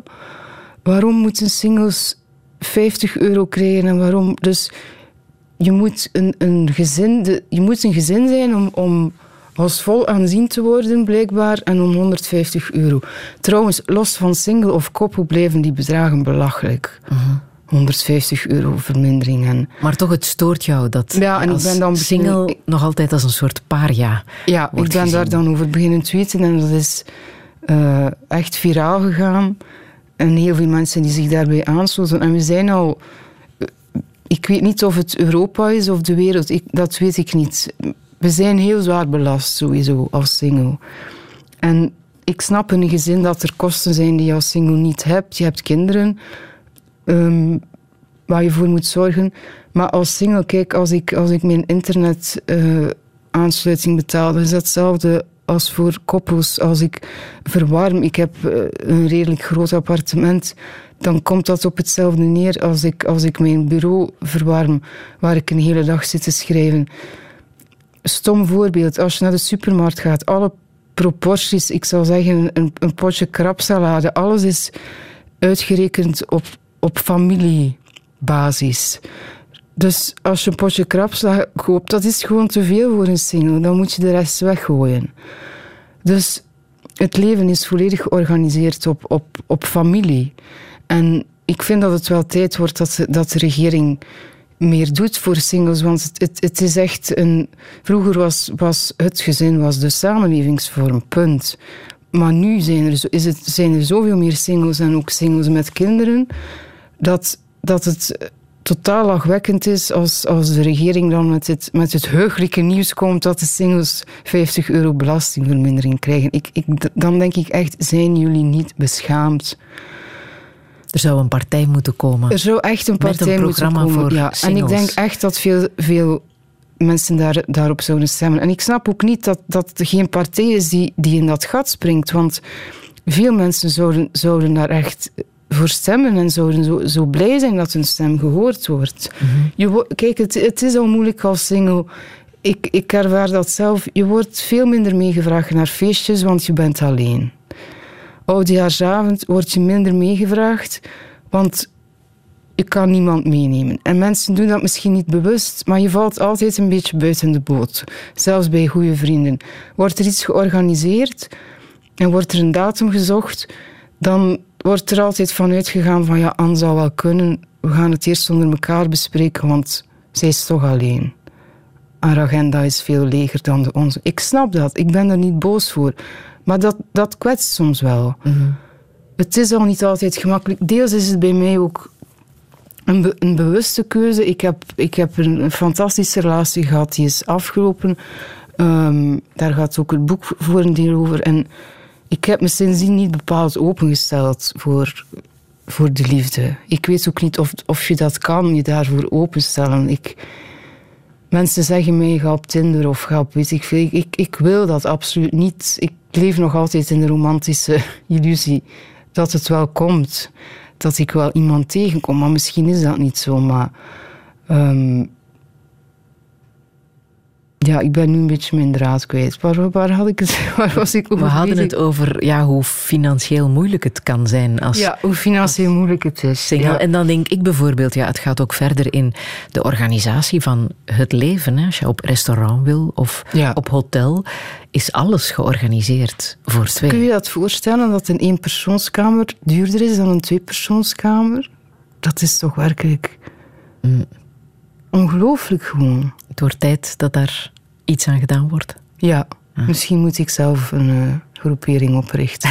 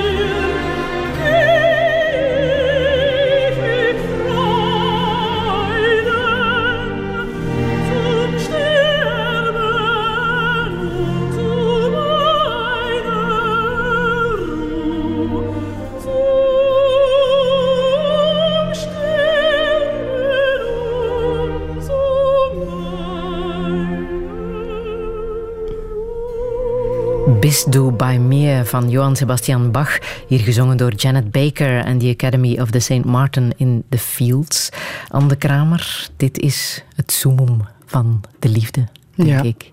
Ik, um, ik heb dit gedicht, uh, gedicht, dit lied voor het eerst gehoord um, tijdens de begrafenis van Wilfried Martens. En ja, dat werd live uitgezonden en ik keek daarnaar en Miet Smet zat vooraan zijn, zijn, ja, zijn toenmalige levenspartner na heel veel jaren. Ook een zeer mooi verhaal hoe die mensen uiteindelijk elkaar gevonden hebben, maar toch niet lang zijn kunnen samenblijven uh, door de dood. En toen ik dit lied hoorde, ben ik echt tranen met uiten beginnen huilen. Ik vond het zo mooi. Bist du bei mir zum Sterben und zu meiner. En ja, het gaat, de tekst gaat verder. Um, als jij bij me bent en, je, houdt mijn hand vast als ik sterf, dan, zal ik met rust naar mijn graf gaan. En ik zag Miets met zitten huilen en, ja, ik begon ook echt te huilen. En ik dacht, hoe, hoe tragisch en tegelijk hoe mooi is dit, hoe tragisch is dit dat ze zijn hand heeft kunnen vasthouden. Dus zeer, zeer mooi, maar ook ik was zo kwaad op, op, ja, op het onrecht dat het leven in zich draagt. Dat, dat uiteindelijk vinden ze waren mekaars grote liefde. Eerst in het geheim, dan minder in het geheim. En dan kan je maar zo lang samen blijven. Mhm. En dat vond ik zo, ja. En, en als ik dat lied hoor, dan hou ik het zelden droog. Want fond ben ik, ben ik wel een zeer romantisch type, denk ik. ik en dat is ook wat je zelf wil. Dat heb je hier al een paar keer gezegd. Het is ook wat ik zelf wil, ja. Zoals het bij mijn ouders zal zijn. En ik, ik wil dat, dat is iets waar ik de laatste jaren veel mee bezig ben. Dat, dat plots een van mijn ouders er niet meer zal zijn. Ah. Dus ik weet dat het bij hen zo zal zijn. Dat een van hen mekaars hand zal vasthouden. En dat troost me wel, dat, dat dat zo zal zijn. Maar zelf wil ik ook, hoop ik ooit, hoop ik toch nog iemand te vinden bij wie ik ook, van wie ik ook weet dat hij mijn hand zal vasthouden als ik sterf en omgekeerd. Het feit dat dat er nu niet is, is dat bij jou de oorzaak geweest van jouw depressie? Ja, voor een groot deel wel. Ehm, toen die relatie stuk liep. Um, het was een relatie van mm, bijna tien jaar. Um, toen, toen ben ik gewoon ja, heb ik het leven opgeraapt bijna waar het, waar het in stukken gevallen was. Heb je kunnen rouwen om het verlies van ik die relatie? Ik heb dat niet toegestaan. Ik was uh, weer op zijn West-Vlaams. Gewoon, doe voort, doe voort. En ik deed verder. -huh. En toen de depressie begon, ik, ik, had altijd heel veel ideeën voor een boek. Stoormoendrang, dat ben ik ook. Echt stoormoendrang, zeer ambitieus. En mijn uitgever was toen, zoals ik zei, Harold Polis. En na elk boek kwam er heel snel een voorstel voor een nieuw boek. En ik stuurde hem voorstellen voor een nieuw boek, maar niets was echt goed. En hij zei ook, dat is het niet, dat is het niet. En ik, ik voelde dat het, er, dat het niet kwam. Dus toen, toen al voelde ik dat er iets mis was met mij. En dat, dat die drang om te schrijven, die urgentie waarover ik het had, dat die minder in mij zat. Het is lang zoeken geweest naar wat, wat de oorzaak van mijn depressie was. En een, oorzaak heeft, eh, een depressie heeft altijd meerdere oorzaken. Maar ik had een zeer goede psychiater met wie ik veel heb gepraat. En dan ben ik er toch achter gekomen dat dat een grote reden was. Want ik ben een jaar of acht gewoon heb ik me op mijn werk gestort. Ik heb, ik heb, dit is het tiende boek. Ik heb op tien jaar tijd tien boeken geschreven. Dus ik ben, zo, ik ben gewoon constant bezig geweest. Ah. En niet veel stilgestaan bij de dingen. Niet gerouwd om Niet uh, gerouwd. En, en een, an, een, andere oorzaak was ook wel tegelijk dat, tegelijk dat willen werken natuurlijk. Op een bepaald moment val je, val je stil. Mm -hmm. um, op een bepaald moment heeft ook uh, de krant De Morgen, waarvoor je column schreef, um, gezegd: hier houdt het op. Ja, ja. Ik had twee keer per week, maar dat was, die vraag is wel tijdens mijn depressie gekomen en dat, dat heeft me ook wel um, dat is ook wel een grote stap vooruit geweest voor mij. Want ik, ik, ik, ik schreef nog, ik had een column in de morgen, dus ik schreef nog. Uh, godzijdank kon ik nog schrijven. Dat kostte me zeer veel moeite, maar ik, ik was trots dat ik dat toch nog kon. Maar toen stelden ze de vraag om twee keer per week een, een korte column, en het mocht ook een literaire column zijn, te, te schrijven over, ik zie het zinnetje nog staan, over de grote en kleine dingen die Anne Kramer beroeren. En dat was zo leuk om te doen. Dat, dat was ook moeilijk, want een column van 200, 300 woorden is veel moeilijker schrijven dan een column van 500 woorden. Ik heb dat twee jaar met ongelooflijk veel liefde gedaan. Maar dan ineens komt het en dan bericht. Ineens, en ik, ik wist het gewoon toen ik de, de telefoon... Maar kijk, even goede vrienden als Bart Eekhout luistert, de hoofdredacteur. Ik snap ja, want je bent heel, heel lief wel. Je laatste column was echt een bedanking aan de morgen. Ik vroeg mij af, word jij wel eens kwaad? Nee, niet veel. Ik, ik bedank trouwens dat je zegt dat ik lief ben. Ik, ik, nee, ik heb niet veel kwaadheid in mij. En ik vind het ook ja, in veel gevallen zo nutteloos om kwaad te zijn. Want ik heb dan altijd spijt als ik kwaad ben. Dan moet ik het weer gaan goedmaken. En maar dit voelde aan als falen. Ja, Bart zei, kijk, het, het, het, budget. En het is altijd hetzelfde verhaal. Misschien was er, zat er een ander verhaal achter. Dat is dan ook de twijfelaar in mezelf. Dacht ik, ik vroeg het ook aan Bart. Zijn, zijn ze niet meer goed genoeg, de columns? Kan ik iets anders doen? Kan ik, een ander concept brengen? Nee, nee, dat is het niet. Maar toch, ja, dat, dat heeft me zo diep, diep geduwd. Ik, ik, ik had echt heel veel fans en niet van de minsten hebben, hebben protest aangetekend en brieven geschreven naar de morgen, naar Bart en, en naar andere mensen van alsjeblieft stop dit niet, want het is een soort rustpunt in de krant. En dat wilde ik ook, dat het een soort rustpunt in de krant was. Als het ware een, een, een, een, een raam dat open stond met een gordijn dat, dat wapperde en waar, waar alleen via, via een, een een keer de actualiteit naar binnen kon. Dat was het beeld dat ik van die column had. En ik snap kranten dat, dat er vernieuwing moet zijn en dat na twee jaar misschien te veel is. En tegelijk snap ik ze niet, want kijk, Remco Kampert heeft decennia voor de Volkskrant geschreven. Je moet een columnist ook tijd geven om te groeien en om een vaste waarde in je krant te, komen, te worden. En, en je moet mensen, je moet een lezerspubliek ook de kans geven om, daarmee op te groeien, om vrienden te worden als het ware. Van, oh, kijk, vandaag om de Kramer of vandaag Hugo Kamps of Remco Kampert. Dus in die zin, ja, Bart of De Morgen of wie het ook heeft beslist, want dat weet je niet bij dat soort beslissingen. Dus dacht ik, moet ik kwaad zijn op Bart? Misschien wel. Misschien is het iemand anders. Dus, maar Bart had mij ook de vraag gesteld om die column te schrijven. Dus hij heeft mij ook die kans gegeven. Waarom zou ik kwaad zijn? En ik heb er zeer van genoten, maar het doet nog altijd pijn, echt. Het doet nog altijd ontzettend veel pijn. Um, ik ben ongelooflijk blij nu dat ik de column in het laatste nieuws heb. Die doe, doe ik ah. ook zeer graag. Want waar een deur dicht gaat, gaat vaak ook een andere deur weer ja, open. Ik werd heel snel gecontacteerd door het laatste nieuws. Dus dat was, ik, ben, nee, ik doe die column zeer graag.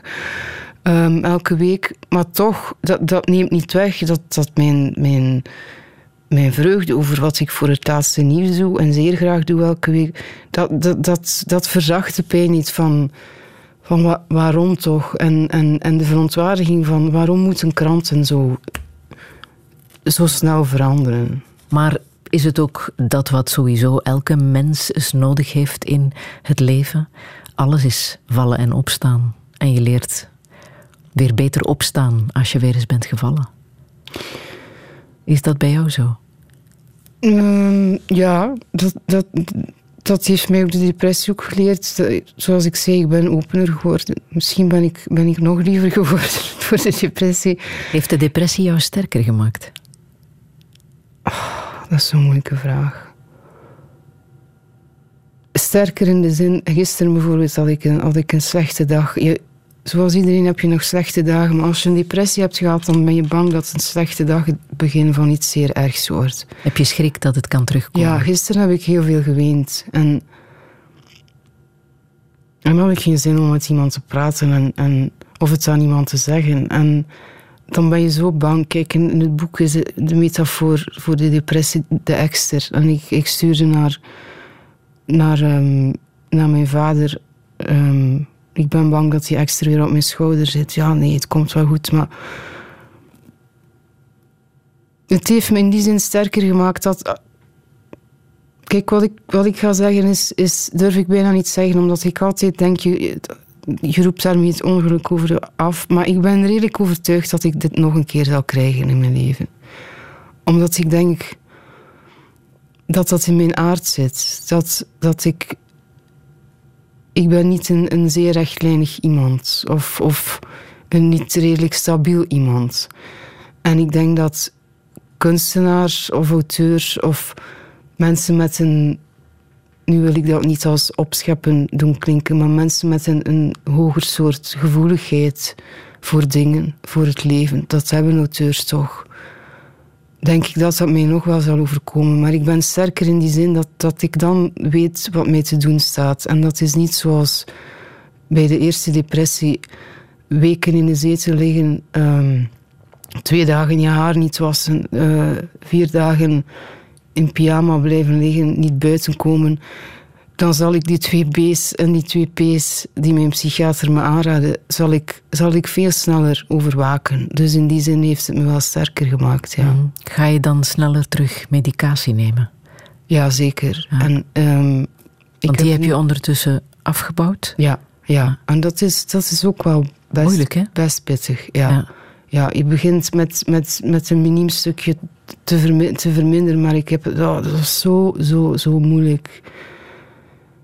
Omdat je die gevoelens terug. Het, leven, het leven komt terug zoals het was. En dat is wat je wil natuurlijk. Maar, Want wat die medicatie doet, is jouw ergste emoties afvlakken. Ja, ja. En ik was wel iemand van de grote emoties.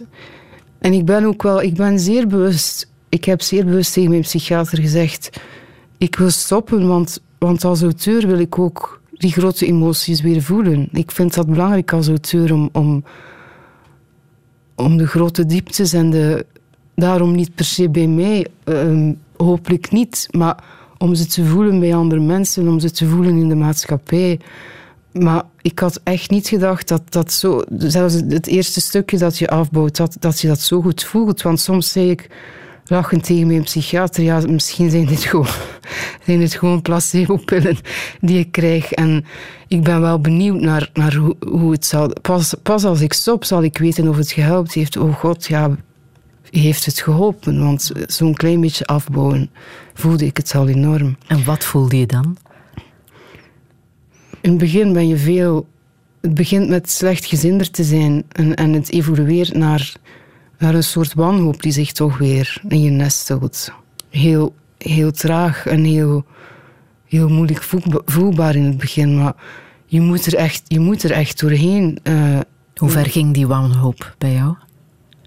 Ja, ik, ik, ik stond wel op het punt om weer, zoals het boek begint, om, om, om dingen te doen die ik gelukkig nooit heb gedaan. Je ging vaak naar de sporen, hè? Ja, ja, ik ging vaak tijdens de depressie, het boek begint zo, ging ik vaak naar de, naar de sporen achter het huis van, uh, van mijn ouders. En daar passeert een trein. En ik ging vaak kijken of de trein daar snelheid genoeg had om, om, om, om aan alle ellende een eind te maken. Maar ik wist dat ik het niet zou doen. Ik heb altijd gezegd, je weet dat natuurlijk nooit, maar ik denk dat ik dan dat dat te lief zijn of lief zijn mijn redding wel is geweest. Want ik dacht, als ik dit, dit doe, de ellende die ik achterlaat en voor iets wat gaat overgaan, want ik wist het gaat over, alles gaat over in het leven. Het vallen, het opstaan. Het. Maar voor mij gaf het hoop, want het, het, het was het laatste, het was de laatste klink, zeg maar, de laatste deurklink die ik kon vasthouden, waarvan ik wist, als het echt niet meer gaat, is, het, is er dit nog kan ik dit nog doen? En bij dat afbouwen kwamen die gedachten wel weer terug.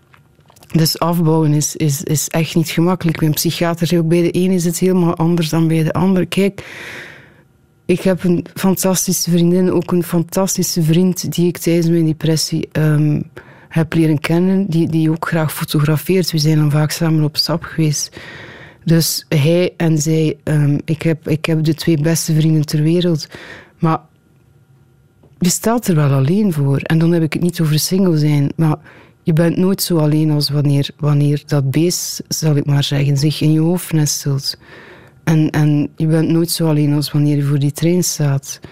Maar er bestaat medicatie. Er bestaat medicatie, ja. En, en ik heb wel op het punt gestaan, het heeft, het heeft een week of twee gelukkig, maar niet lang, een week of twee geduurd, dat het echt, dat het echt zeer lastig was. Um, en dan voel je wel dat je dat je je stilaan, ja, je, je vindt toch weer een plek in jezelf, in, in, in, je omgeving, in de maatschappij. En je hebt wel weer moed dan om, om, om weer een stukje af te bouwen. Um, maar het is, ik heb, ja, ik heb wel gemeld, want we mailen wel regelmatig, gemeld naar mijn psychiater, kijk, ik kan dit niet. En hij zei, als je wilt, dan, dan, dan beginnen we opnieuw met dezelfde dosis. Maar ik, ik zei, nee, ik wil niet. En hij zei, ik, ik maak me geen zorgen over jou dat, dat, dat het verkeerd zou aflopen, want ik zie wat voor wilskracht je hebt om het te doen. Dus ik heb volgehouden en, en ja, kijk, uiteindelijk, um, ik neem er nu geen meer. Maar ik weet als, als, uh, als de extra weer komt, dat ik, dat ik echt niet zoals bij de vorige depressie, ik denk dat ik zes, zeven maanden heb gewacht om, om, om het te doen, want ik geloofde daar ook niet in. Ik was echt ook die nuchtere West-Vlaming en depressie, ja, het, zal wel. En, dan overkomt het jezelf en dan, is stap één, je moet pillen nemen. Maar ik zei, nee, dat gaat wel zonder pillen. En ik zal wel s'avonds een goeie drinken en dan voel ik me wel beter. Maar kijk, op een bepaald moment zit je toch bij die psychiater en, en schrijft hij pillen voor en, en voel, je, voel je veranderen van, van een zeer enthousiast... Uh, ja, van, van zotte tante Anne naar, naar zotte tante aan in een andere betekenis. We mogen dat woord niet meer gebruiken, zot. Want depressie heeft is helemaal niet zot. Maar ik dacht dat vaak. Ik was zotte tante aan in de mooiste betekenis van het woord. En ik werd zotte tante aan in een betekenis waarvan ik niet wilde dat mensen mij zo kenden. En, en dat had ik ook wel, een schuldgevoel. Ik heb, ik heb vaak denk ik meer met anderen ingezeten of me meer zorgen gemaakt over anderen dan over mezelf. Als ik mijn moeder zag huilen omdat ze zag hoe slecht ik eruit zag, dan dat was een pijn die ik, ik had. Ik had mijn pijn en ik moest die pijn ook dragen en van veel vrienden en kon ik dat soms echt amper dragen. Um, je, je, voelt je verantwoordelijk, want, want je leeft niet alleen, je, je leeft ook voor anderen en, en je maakt anderen graag blij en, en je bent gelukkig als je, als je mensen liefde kan geven, mijn neefje, mijn nichtje, wie ook voor mij in het leven belangrijk is. En op dat moment kan je, je kan geen liefde aan jezelf geven, dus hoe kan je liefde aan iemand anders geven? En je ziet de pijn in de ogen van je, van je beste vriend, vriendin en zo verder. En ze willen je helpen en ze, ze sms'en en ze komen en ze... Zo, mijn beste vriend kwam soms midden in de nacht omdat ik wanhopig een sms had gestuurd. Maar toen hij daar was, had ik zoveel spijt. Ik heb je, ik heb je laten komen. En eh, natuurlijk zei het, het is niet erg. Maar ik, ik zag die wanhoop van, wat kan ik doen? En er zijn is genoeg natuurlijk. Maar je voelt je dat... Ik, ik, ben ook... Ja, schuldgevoel is ook zoiets van mij. Ik, mag het weer niet zeggen, maar ik mag het wel zeggen. Ik ben katholiek opgevoed en dat katholieke schuldgevoel, dat, dat zit echt in mij. Ik voel me schuldig omdat ik mensen verdriet aan, verdriet aan deed. Maar je doet er niet om natuurlijk. Maar het, het is wel zo. Mijn vader, die heel vaak op bezoek kwam tijdens de depressie, en dat staat ook in het boek, gewoon om mij gezelschap te houden. En, en dat was vaak onaangekondigd als hij ging wandelen. En die bel ging en ik wist dat het, dat het, hij, dat het mijn vader zou zijn. En ik dacht, godverdomme, niet weer. Want ik wilde niemand zien, ik wilde met niemand praten. Zelfs niet met die vader van wie ik zoveel hou. En ik deed de deur open en ik ging meteen weer op de bank zitten. En ik, ik, ik keek zelfs niet in zijn richting, want ik wist dat hij zou zeggen: zal vandaag, gaat vandaag toch een beetje beter? Maar het ging niet beter. En ik zei: nee, pa, het gaat niet beter. En ik zet het was meestal rond het uur van het journaal. En ik zet het journaal aan als een soort bliksemafleider. Want hij praatte heel veel dat was zijn manier om, om, om ermee om te gaan. Hij praatte heel veel en hij vertelde, maar ik had echt geen... Ik, ik kon ook niet praten. Alsof de taal mij op een of andere manier had verlaten. Ik kon nog ja of nee zeggen, maar kwam verder niet veel uit. En ik... En sorry pa, als je luistert, maar je weet dat wel, want het staat in het boek. ik verlangde zo tot hij wegging. Ik kon echt, en ik, ik verzon excuses dat ik maagpijn had, dat, dat mijn kat Rachel, dat, dat, dat, ze, dat ze zich niet zo goed voelt, of dat, dat ik met Rachel iets wilde doen, of, of ik, dat, dat ik werk had, dat ik moest afwerken. En, en dan ging hij weg en ik zag hem de straat oversteken. En, en ik, ik wilde het raam open doen en roepen, kom terug, kom alsjeblieft terug, want het is heel tegenstrijdig. Je wilt toch weer iemand die bij, die bij je is. Dus, maar ik, ik, ik wilde dat hij... Ik was ook blij dat hij weg was, omdat, ik, omdat, omdat hij niet, niet, niet meer moest aanzien hoe zijn praatgrage dochter daar gewoon zat. En, en dat schuldgevoel zal ik, zal ik nog lang meedragen. Als ik, ik lees soms berichtjes van in die tijd, um, omdat dat voor mij wel helend werkt op de een of andere manier. En dan denk ik, shit, het moet ook voor mijn zus en, en, en neefje en nicht, moet dit zo zwaar geweest zijn. En ik ben achteraf, op dit moment, op dat moment zeg je niet zo vaak dank u, maar ik, ik tijdens de boekvoorstelling um, heb ik ook, en, en ik wil het hier ook doen, wil ik die mensen zo bedanken, want zonder hen zeker was, was ik wel onder die trein gesprongen. Dus het is niet alleen praten met een psychiater, maar het is ook omringd worden door een, door een omgeving die, die alles voor je doet.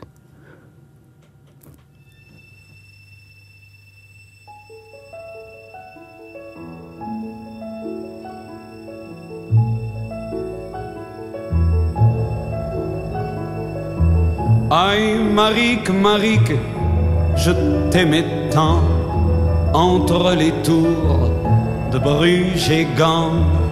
Aïe, Marique, Marique, il y a longtemps, entre les tours de Bruges et Gand. Zonder liefde, warme liefde, waai de wind, de stomme wind. Zonder liefde, warme liefde, wind de zee, de grijze zee. Zonder liefde, warme liefde, leidt het licht, het donker licht. En schuurt het zand over mijn land, mijn platteland, mijn Vlaanderenland. Ai, Marieke, Marieke, le ciel flamand couleur des tours de Bruges et Gand. Aïe, Marique, Marique, le ciel flamand pleure avec moi de Bruges à Gand. Zonder liefde, warme liefde, de wind, c'est fini. Zonder liefde, warme liefde, wind de zee, déjà fini. Zonder liefde, warme liefde, leidt het licht, tout est fini. En schuurt het zand over mijn land mijn platteland, mijn Vlaanderen, mijn land. Aïe, Marieke, Marieke, le ciel flamand, pesait-il torrent de à Gand. Aïe, Marieke, Marieke, sur tes vingt ans, que j'aimais tant, de Bruges. Zonder liefde, warme liefde, lacht de duivel, de zwarte duivel. Zonder liefde, warme liefde, brandt mijn nacht, mijn gouden harde. Zonder liefde, warme liefde, sterft de zomer, de droeve zomer. En schuurt het zand over mijn land, mijn platteland, mijn Vlaanderen, mijn land. Ai, Marieke, Marieke, revienne le temps, revienne le temps de Bruges.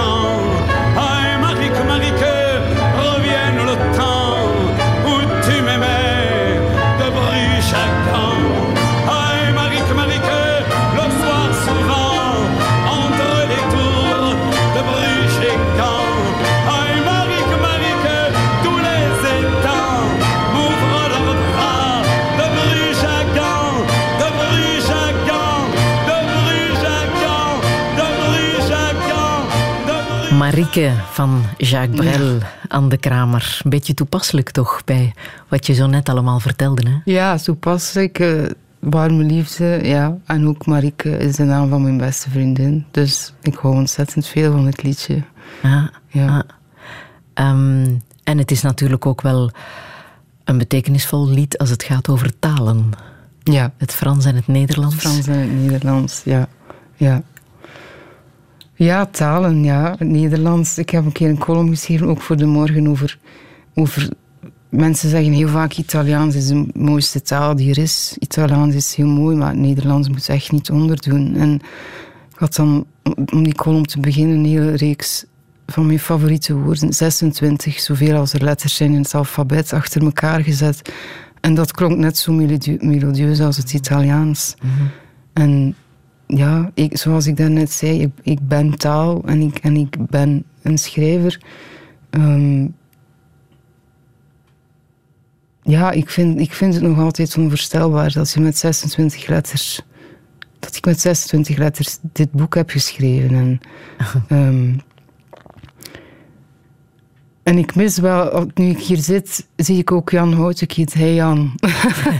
zie ik Jan Houtekiet voor me zitten waar jij zit. Ik vond het heerlijk. Om, we hebben samen die heerlijk helder campagne gedaan over het belang van, van heldere taal bij overheidsdiensten, bij belastingbrief, bij, eh, bij dokters, bij academici en zo verder. Um, het was fantastisch om te doen.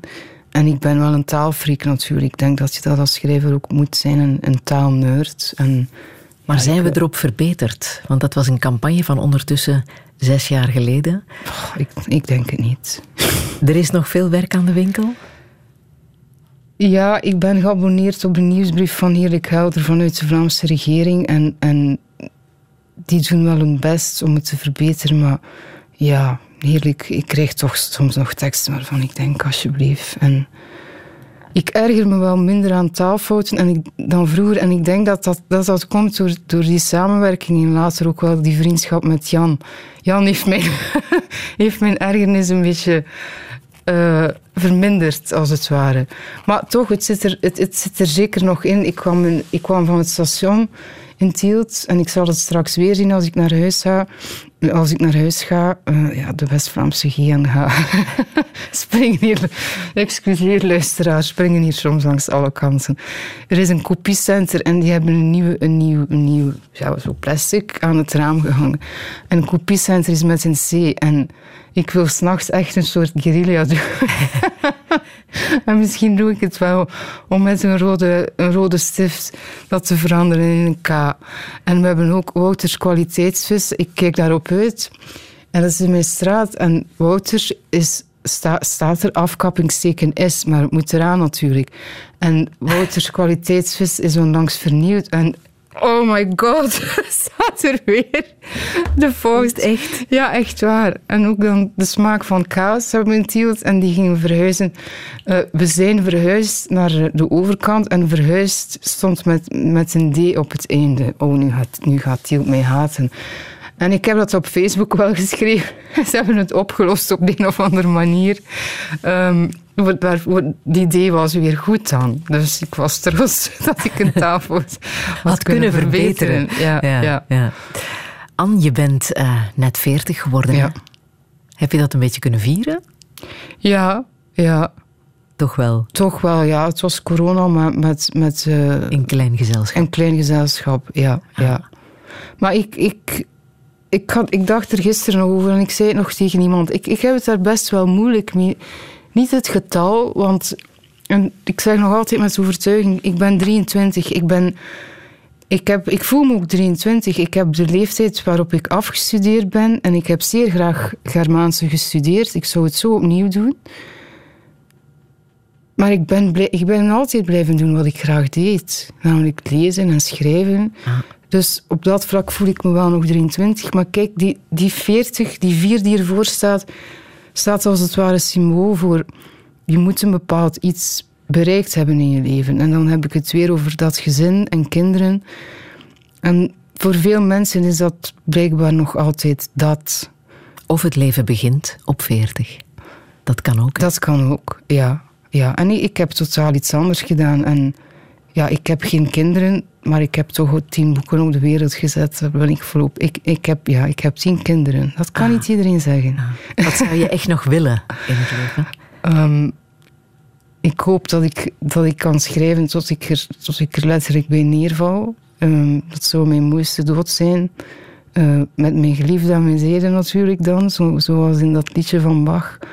En ik hoop toch nog, um, ik kan best goed alleen zijn. Omdat ik schrijf, was corona voor mij geen straf. Omdat ik het gewoon ben, toch al een hele tijd, een aantal jaren om alleen te zijn. Maar ik hoop toch nog iemand te ontmoeten um, met wie ik ook goed alleen kan zijn. Want met wie ik ook stil kan zijn. Mhm. Eh, met wie ik allerlei dingen kan doen.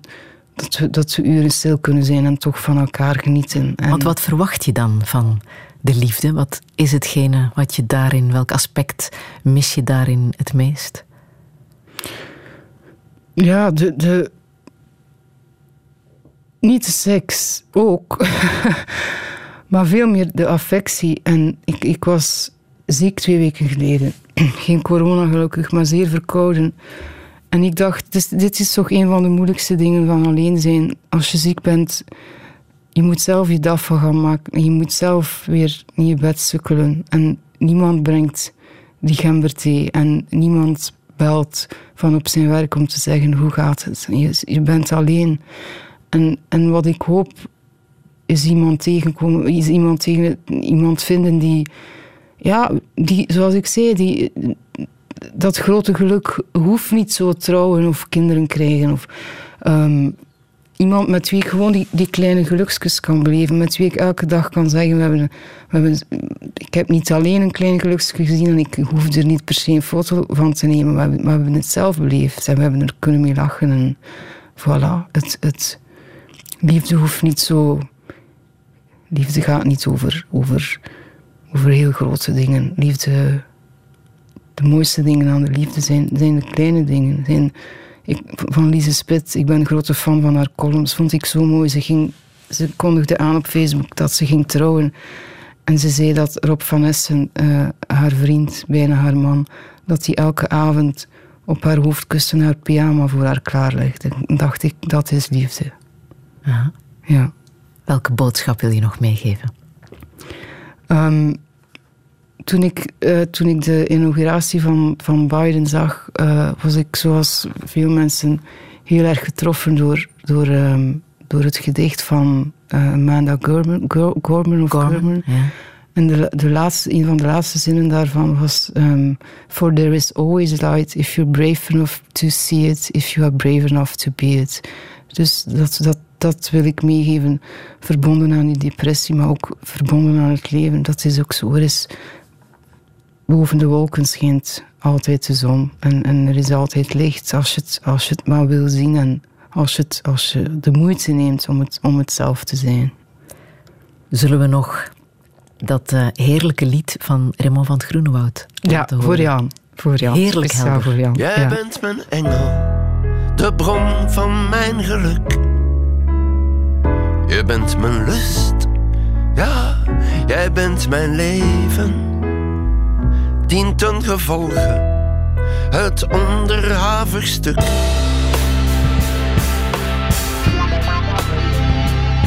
Als we een structurele insteek vinden om onze levenscurves te verbinden op uh, middellange termijn, ik zeg maar iets. Laat die fijn zijn, laat die fijn zijn.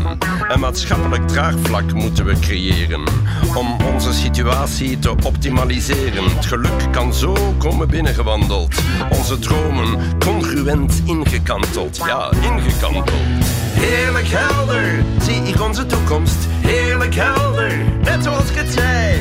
Heerlijk helder, zie ik onze toekomst. Heerlijk helder, koetjes in de wei. In een regelgevend kader moeten we evolueren. Daar onze gedragslijn implementeren. Beneficiair voor ons beider traject. Ons concreet voor overwogen bilateraal project. Heerlijk helder, zie ik onze toekomst. Heerlijk helder, la la la la la. Heerlijk helder, zie ik onze toekomst. Heerlijk helder, koetjes in de wei. Heerlijk helder met Raymond van het Groenewoud. En dank ook aan uh, Anne de Kramer. Wie zich trouwens uh, naar aanleiding van deze touché um, niet zo goed voelt en een gesprek uh, nodig heeft, kan altijd terecht bij Teleonthaal of ook bij de zelfmoordlijn 1813. Alle info kan je terugvinden op onze website radio1.be. Ik wens iedereen een warme zondag. Herbeluister touché via de podcast, Radio 1 app en radio1.be.